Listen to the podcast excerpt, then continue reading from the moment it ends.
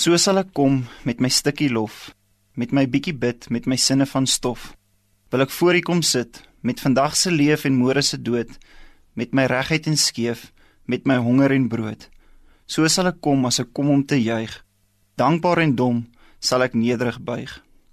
Vriende, dit is my eerste keer dat ek die voorreg het om 'n paar geleenthede saam met julle te kuier. Vir hierdie tydjie het ek dit goed gedink om 'n bietjie saam met julle na te dink oor ons tyd saam met die Here. In aanhalingstekens ons kuiertyd saam met die Here. Met ander woorde hoe ons ons tyd saam met die Here spandeer. En dit gaan ons doen aan die hand van vyf beginsels. Hoe of wie staan voor die Here? 'n Bewuslike besluit wat ek neem om tyd saam met hom te spandeer, die tyd wat ek afstaan en die plek waar ek saam met die Here kuier. En dan natuurlik ook die verandering wat onvermydelik is wanneer ons saam met die Here kuier.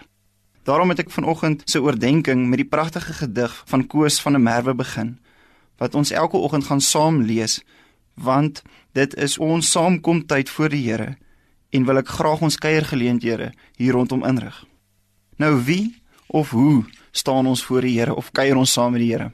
Toe ek 'n kind was, was ek altyd bekommerd oor wat ander mense van my dink. En omdat jy nog nie seker is van jouself nie, pas jy so bietjie aan om te probeer om nie te vreemd te wees nie.